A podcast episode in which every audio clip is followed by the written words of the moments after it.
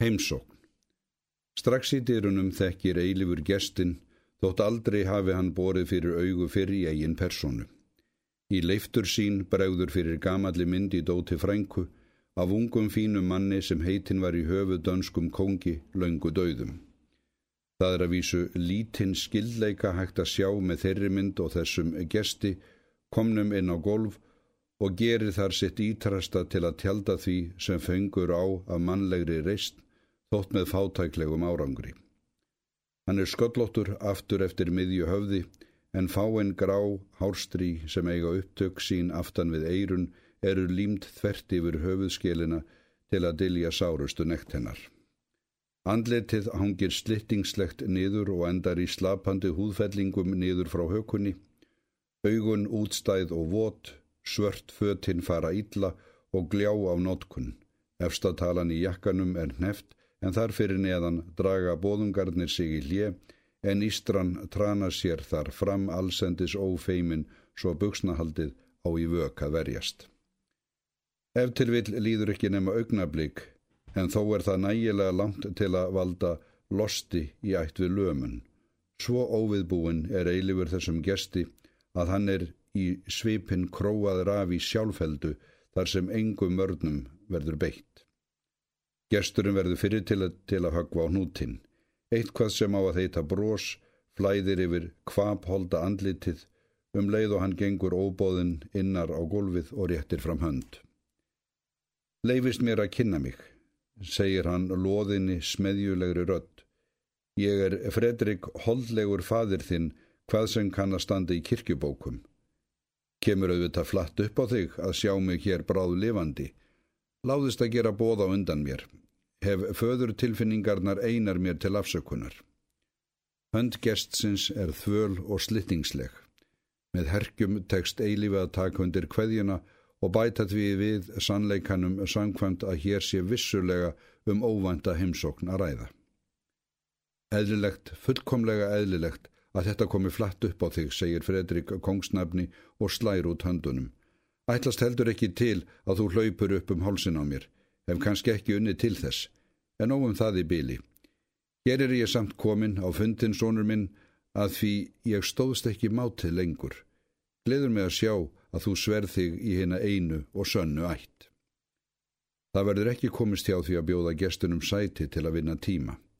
Hann hlassa sér niður í djúpan stól og breyði þar úr sér með tilbörðum sem gætu verið æfðir fyrir leiksvið. Lántað komin eins og þú fer kannski nærrum átti erindi til höfustadarins og gæti ekki láti hjá líða að líta inn, betri seint en aldrei eins og þar stendur. Það hefur verið fjörður og milli frænda fram að þessu og svo átti ekki hægt um vik að hampa föðurhlutverkinu á meðan frænka gamla torði það bölvað meinhort. Það er óþarf að blanda henni þetta mál, kvíl hún í friði, en það var þó hún sem kom þessu öllu í kring á sínum tíma. En látum það liggja á milli hluta. Það eitt skiptir máli núna, sonur minn, að við höfum fundið hvort annan eftir öll þessi ár og það er aldrei á sent að bæta fyrir glöp fortíðarinnar.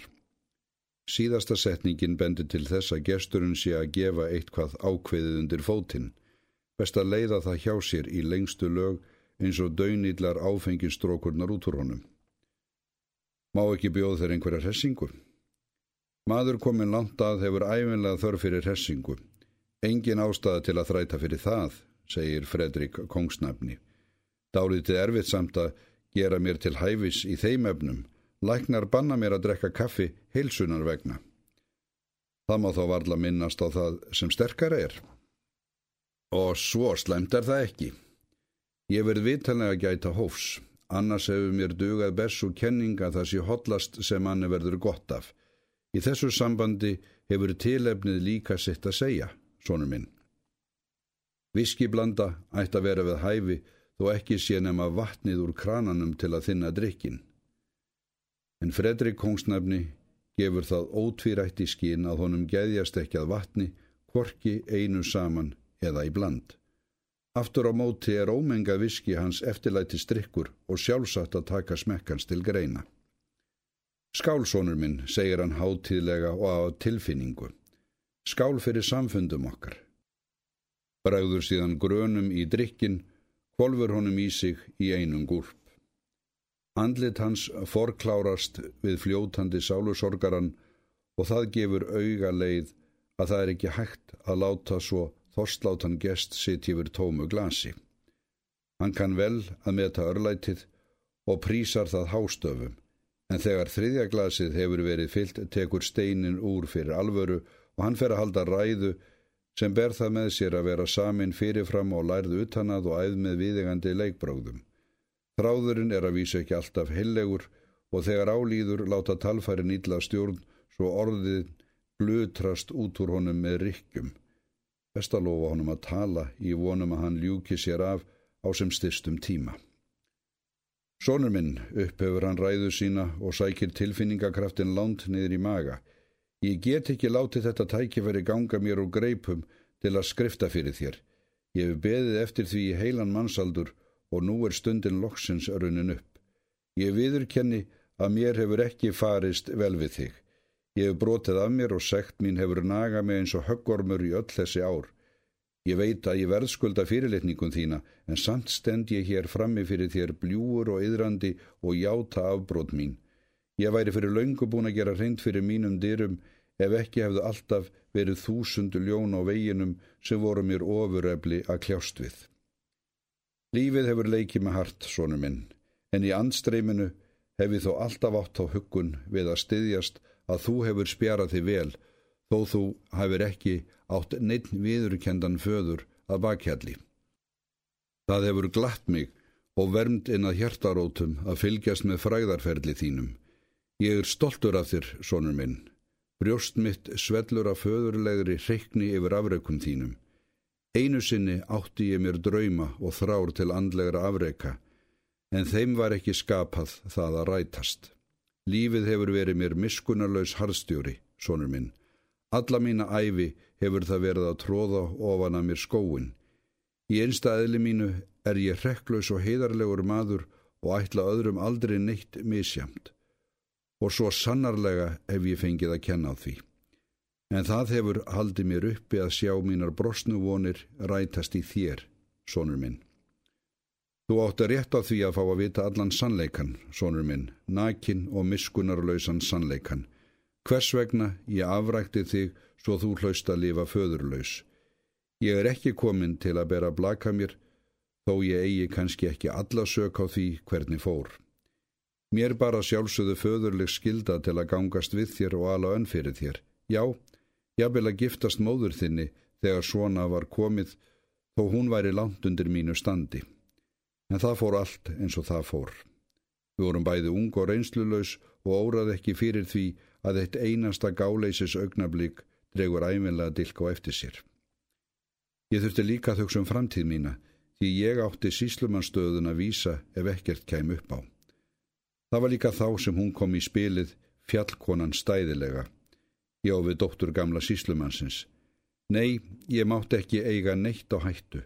Mátt ekki gefa öfundarmönnum mínum högstað á mér.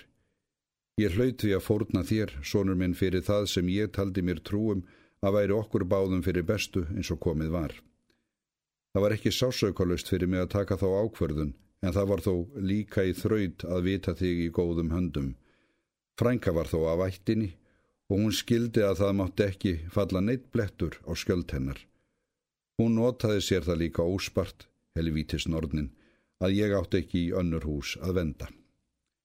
Fredrik Kongsnafni er orðin þurri í hálsi og röddin reykul, svo hann seilist eftir glasu sínu og kvolver í sig innihaldinu eins og það leggur sig. Ef mig hefði órað eitthvað fram í tímansónur minn, hefði þetta farið á annan og betri veg. En þegar það rann upp fyrir mér að ég hafði leikið af mér var það um seinan. Öfundarmönnum mínum tókst að koma því til leiðar að ég var svikin um síslumannsembættið sem mér bar þó sangkvæmt öllu réttlæti. Já, ég varð að gera mér það að góðu að vera bara undirtilla, þóla niðurlægingu og lítilsvirðingu, saklaus, allsaklaus. Og vera svo giftur fjallkonu ofan á allt annað. Það veit engin nema sá sem reynir hvað það er að búa upp á lífstíð með konu sem er köld eins og svellbólstur og beinaber eins og stórgrítisörð. Já, allt þetta og meira til hafa örlegin lagt á mig, en samt hefur mér tekist að bera minn kross án þessa kikna, því stolt mitt hefur enginn geta frá mér tekið. Ég játa að mér fórst skammarlega við móður þína, þó hún væri mér ekki sambóðin. Örlegin leku hana líka grátt. Hún glæftist og einhverjum ótýndum fjörulalla sem barnaði hana í síbilju svo hún náði aldrei hala sínum. Svo endaði það auðvitað með því að hún dó. Hvernig gæta líka farið öðruvísi eins og á hana var lagt vesalingsmanneskuna. En nú höfum við fundið hvort annan sónu minn og fortíðin getur ekki lengur skiluð okkur að. Frá þessum degi ætla ég að bæta fyrir brot minn með því að standa við hlið þína, vera þér sköldur og skjól og ebla þig til frekari dáða. Þú stendur ekki lengur einn og föðurleysi heiminum, sónur minn.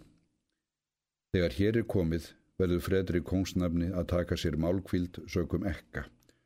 Svo sannur er hann í þessu óhrjálega hlutverki sínu að slapandi kinnar hans eru blöytar af tárum, slefan flæðir niður í hökuna ofan á skýrtubrjóstið.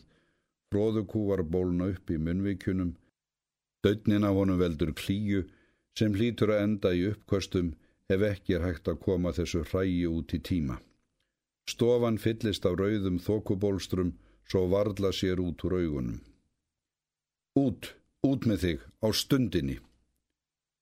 Kjötflikkið í stólnum gleipir í sig ekkan. Munnurinn opnast en kokið hefur rokkið í baklás og lokar orðin inni. Þetta er eins og nefahöggi kviðin og vínsósa vitundin þarf tíma til að skinja tilefni þessu afleiðingar. Ég er að segja þér að hunskast út, núna á stundinni. Heyrir þau það? Ég þekki þig ekki, þú ert mér óviðkomandi, út með þig, út! Þessar ótvíræðu yfirlýsingar verð ekki miskildar öllu lengur, þótt Fredrik Kongsnafna sé það ofviða að geta sér tilum hvað hann hafi brotið af sér. En einhver staðar hlýtur hann að hafa mistíið sig í hlutverkinu. Þar sem hann liggur hálfvegis út af í stólnum minnir hann á hrakirt, hundskvikindi sem veit upp á sig skömm, leggst á hryggin í eimtsinni og býður eftir sparki. Ég er að segja þér að snöyta út helvítis að ræfillin þegar í stað og komdu aldrei aftur fyrir mín augu. Til að fylgja orðunum eftir þrýfur eilifur þungan vasa af borðinu og reyðir til högs. Þenn verður ekki miskilinn og skjelvingin blossar upp í blöytum augum gestsins. Hann bröldur upp úr stólnum og ætlar að taka á rás en fæturnir bregðast honum svo hann steipist killiflatur á magan. Gefur sér ekki tíma til að standa upp en tekst að klóra sig á fjórum fótum til dýra og út. Rekin áfram að þeirri hugsun einni að koma sem lengst burtu frá þessu voðalega húsi. Eftir að hafa sparkað hurðum í lás á eftir gestinum, stendur eilífur einn eftir stjarfur af skaphofsa, en eftirkostin segja fljótlega til sín. Takið um vasan slagnar svo hann dettur í gólfið og fer þar í þúsund móla. Velgjan stýgur upp í kokið og er í þann mundan á yfirhöndinni þegar hann rekur augun í viskiflöskun á borðinu. Það er í henni smá slatti sem fljótlegt er að koma í ló, en það rekkur ekki til, svo hann verður sér út um aðra og bætir betur á sig og þá fer þetta lagast. Ógleðin sjatnar, ofsinn kulnar, skinnjunin dopnar, uns hún máist út og dimma nálgast. Það lækkar í flöskunni og myrkri þjættist. Það verður kvöld og svo kemur nótt, byggsvört nótt og engin dagur framöndan.